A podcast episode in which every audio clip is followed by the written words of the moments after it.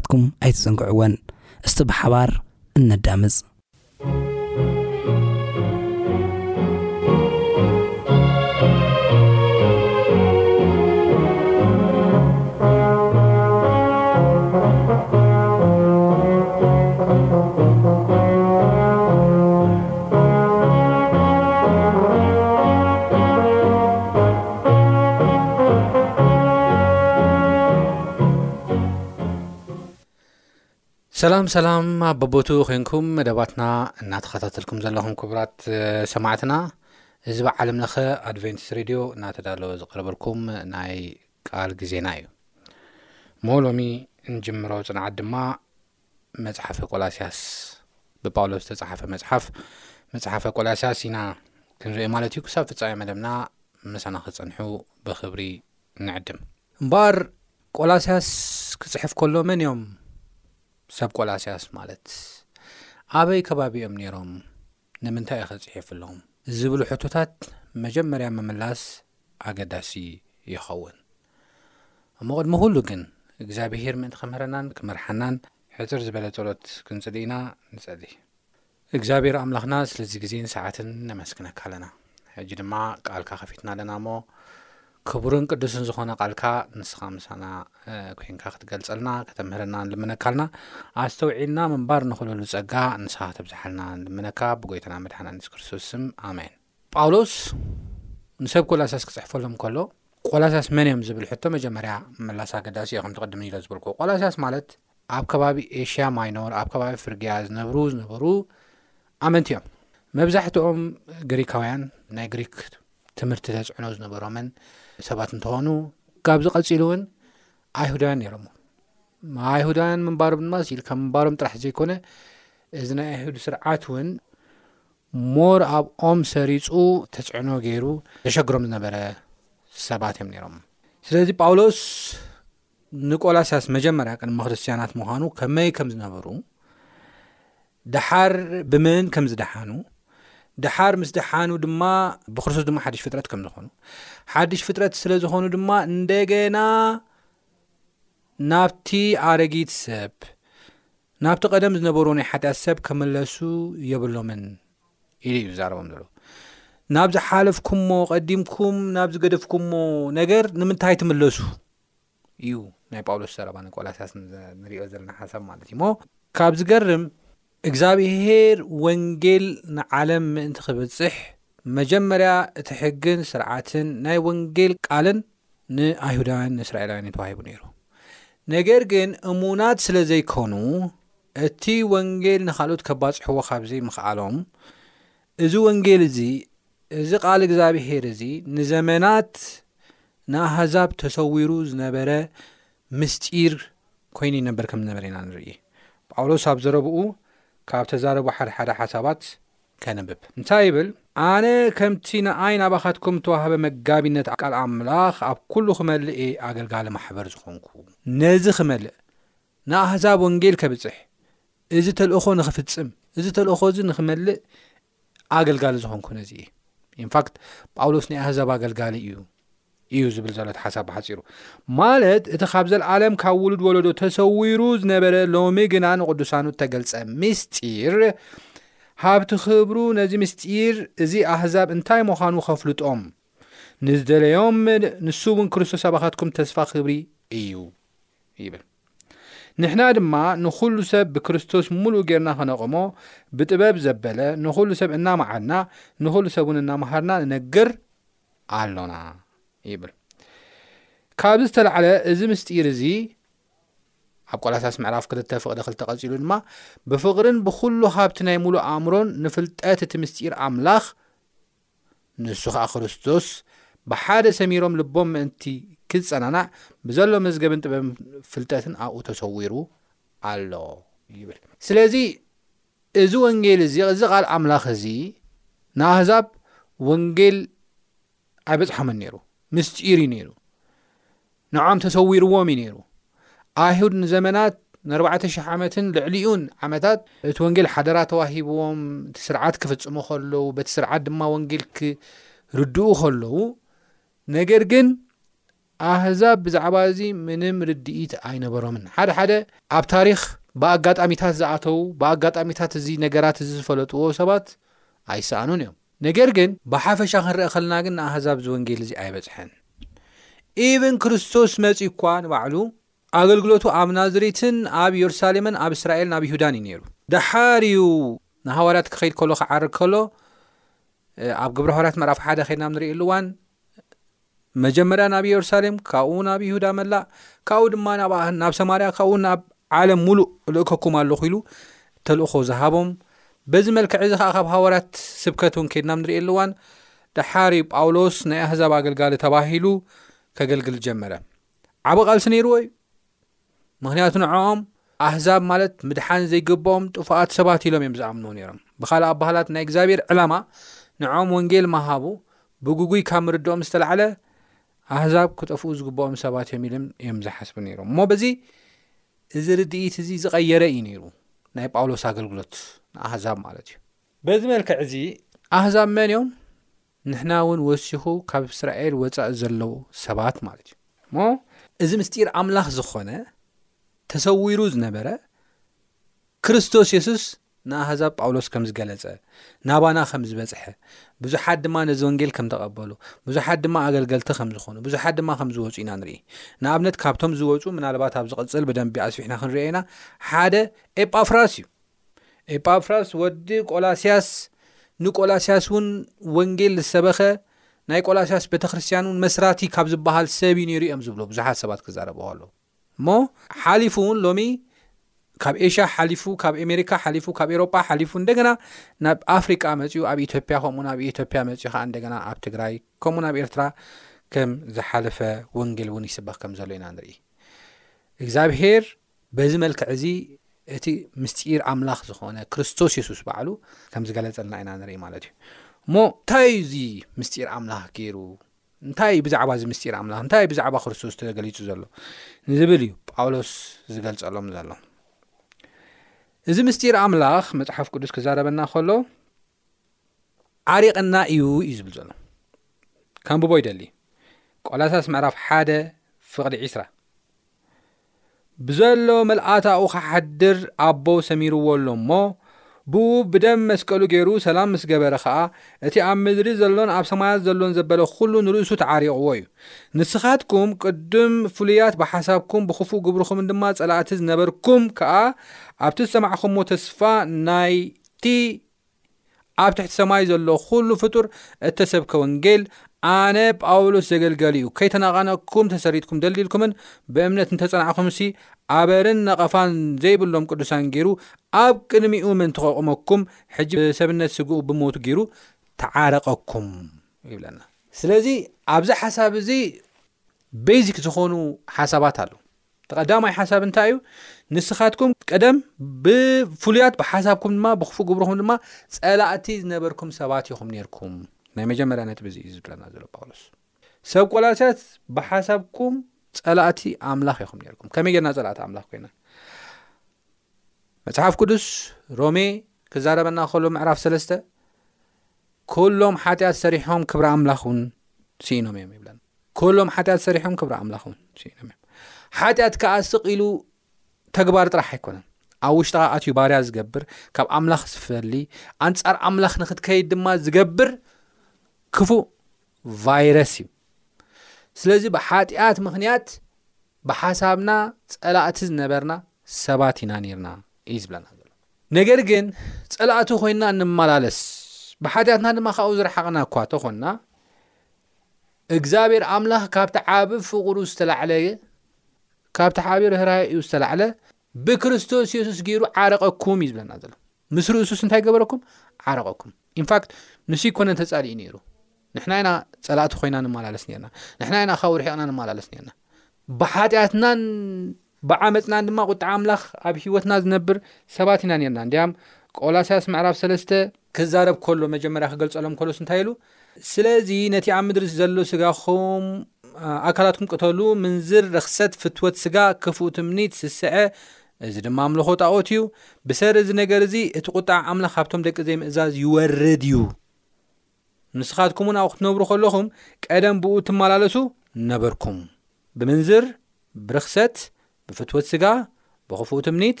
ብስስዐ፣ እዚ ድማ ኣምልኾ ጣኦት እዩ፣ ከምኡውን ካልኦት ዝመሳሰሉ ሓጢኣታት ብኡ ትመላለሱ ነበርኩም። በዚ ብምምላስኩም ድማ ብሰንኪ እዚ ሓጢኣት እዚ ቁጥዓ ኣምላኽ ኣባኹም ዝጸንዐ ወይ ድማ ዝወርድ ዝነበረ ሰባት ኢኹም ኔርኩም። ወይ ድማ ቁጥዓ ኣምላኽ ዝጽበየኩም ሰባት ኢኹም ኔርኩም። ነገር ግን እግዚኣብሄር ካብቲ ዓቢ ፍቕሩ ዝተላዕለ ብክርስቶስ ገይሩ ምስ ርእሱ ዓረቐኩም። እቲ ቁጥዓ ኣባኹም ዝነበረ ኣልገሶ፣ ኣወገዶ፣ ሓድሽ ሰብ ገይሩ፣ ንጹህ ሰብ ገይሩ፣ ሓጢኣት ከም ዘይገበረ ሰብ ገይሩ ክቕበለኩም ሓደ ወዱ ክርስቶስ ከም ዝሃበኩም ብኡ ወገን ምንም ዓይነት ቁጥዓ፣ ምንም ዓይነት ጥፍኣት፣ ምንም ዓይነት ናይ ፍርድ ነገር ካብኡ ከም ዘወገዱ ኢና ንርኢ ማለት እዩ ስለዚ ብእግዚኣብሄር ወገን ንዓና ክቕበለና ድልው ከም ዝኾነ ቁጥዑኡ ከም ዘልገሶ በቃ ኣነ ተዓሪቐኩም እየ ጀስት ስለ ዘፍቀርኩኹም በቃ ሓጢኣትኩም ኣወጊደ ኣነ ኣቕረበኩም እደሊ እየ ከም ዝበለ እዩ ዝነገረና ምስ ርእሱ ዓረቐኩም ምስ ርእሱ እግዚኣብሄር ካብ ተዓረቐና ንሕና ኸ ነዚ ዕርቂ ንቕበል ዲና እዩ ብዙሓት ነዚ ዕርቂ እዚ ከይተቐበሉ ኢንፋክት ካብ ዘይምፍላጥ ዝተላዕለ ነዚ ዕርቂ እዚ ከይተቐበሉ ዝመላለሱ ሰባት ኣለው ነገር ግን ጎይታ ባዕሉ ከም ተዓረቀና ብወዱ ይዛረበና እዩ ማለት እዩ ደጊመ ከንብባ ብጣዕሚ ደስ ዝብል ጥቕሲ ስለ ዝኾነት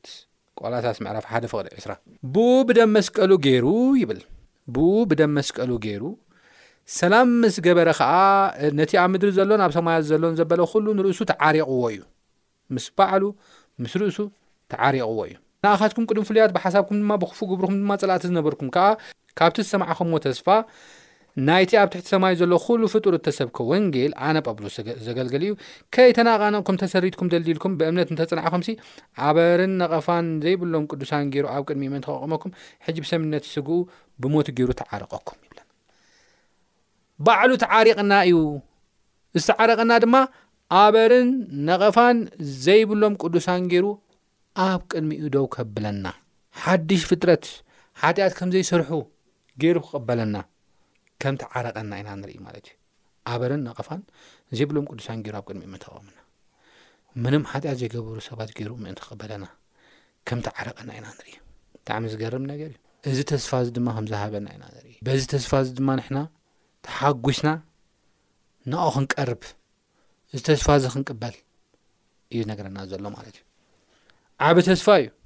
ብሓሳብና ጸላእቲ ዝነበርና ብሓሳብና ካብ እግዚኣብሄር ርሒቕና ዝነበርና ሰባት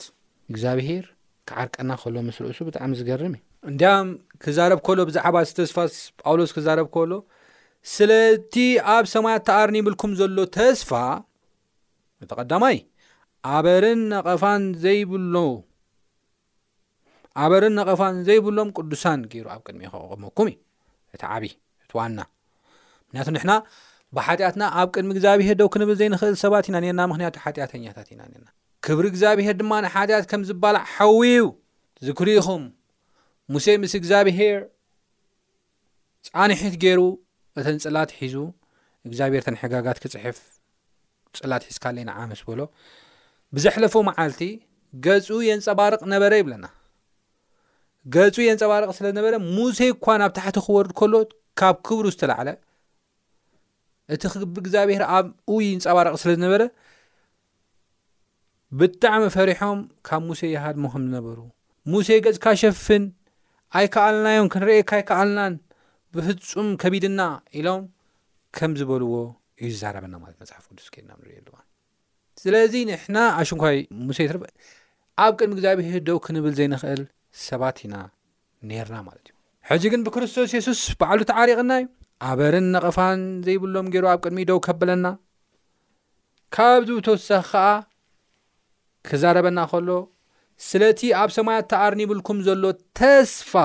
ይብለና እግዚኣብሄር ነቶም ዘፍቅርዎ ነቶም ዝፈትውዎ ከምቲ ኩሉ ግዜ ዝጠቕሶ ዓይኒ ዘይረኣዮ እዝኒ ዘይሰምዓቶ ኣብ ልቢ ሰብ እውን ዘይተኣስበ ዘይተሓስበ እግዝኣብሄር ነቶም ዝፈትውዎ ዘዳለወሎም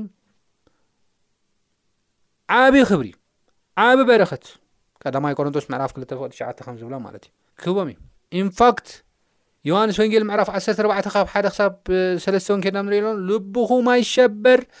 ብኣምላኽ እመኑ ብኣይ እውን እመኑ ኣብ ቤት ኣቦይ ብዙሕ ማሕደር ኣሎ እንተዘይህሉስ ምበልኩኹም ነይረ፣ ነገር ግን ስፍራ ከዳልወልኩም እኸይድ ኣለኹ። ኣብ ስፍራ ምስ ኣዳለኹልኩም፣ ኣብቲ ኣነ ዘለኹዎ ንስኻትኩም እውን ምእንቲ ክትኮኑስ፣ ተመሊሰ ክመጽእ እየ፣ ናብቲ ኣነ ዘለኹዎ እውን ክወስደኩም እየ ይብል። ንሱ ጥራሕ ኣይኮነን፣ መጽሓፍ ቅዱስ ኬድና ኣብ ንርእየሉ እዋን እንደገና ኣብቲ ክርስቶስ ዘዳለዎ ዓይኒ ዘይረኣዮ እዝኒ ዘይሰምዓቶ ኣብ ልቢ ሰብ ዘይተሓስበ ስፍራ ንባዕሉ ምጉድዳእ ከምዘየለ፣ ሕማም ስቓይ ሽግር መከራ ንብዓት ከምዘየለ፣ ደጊም ሞት ከምዘየለ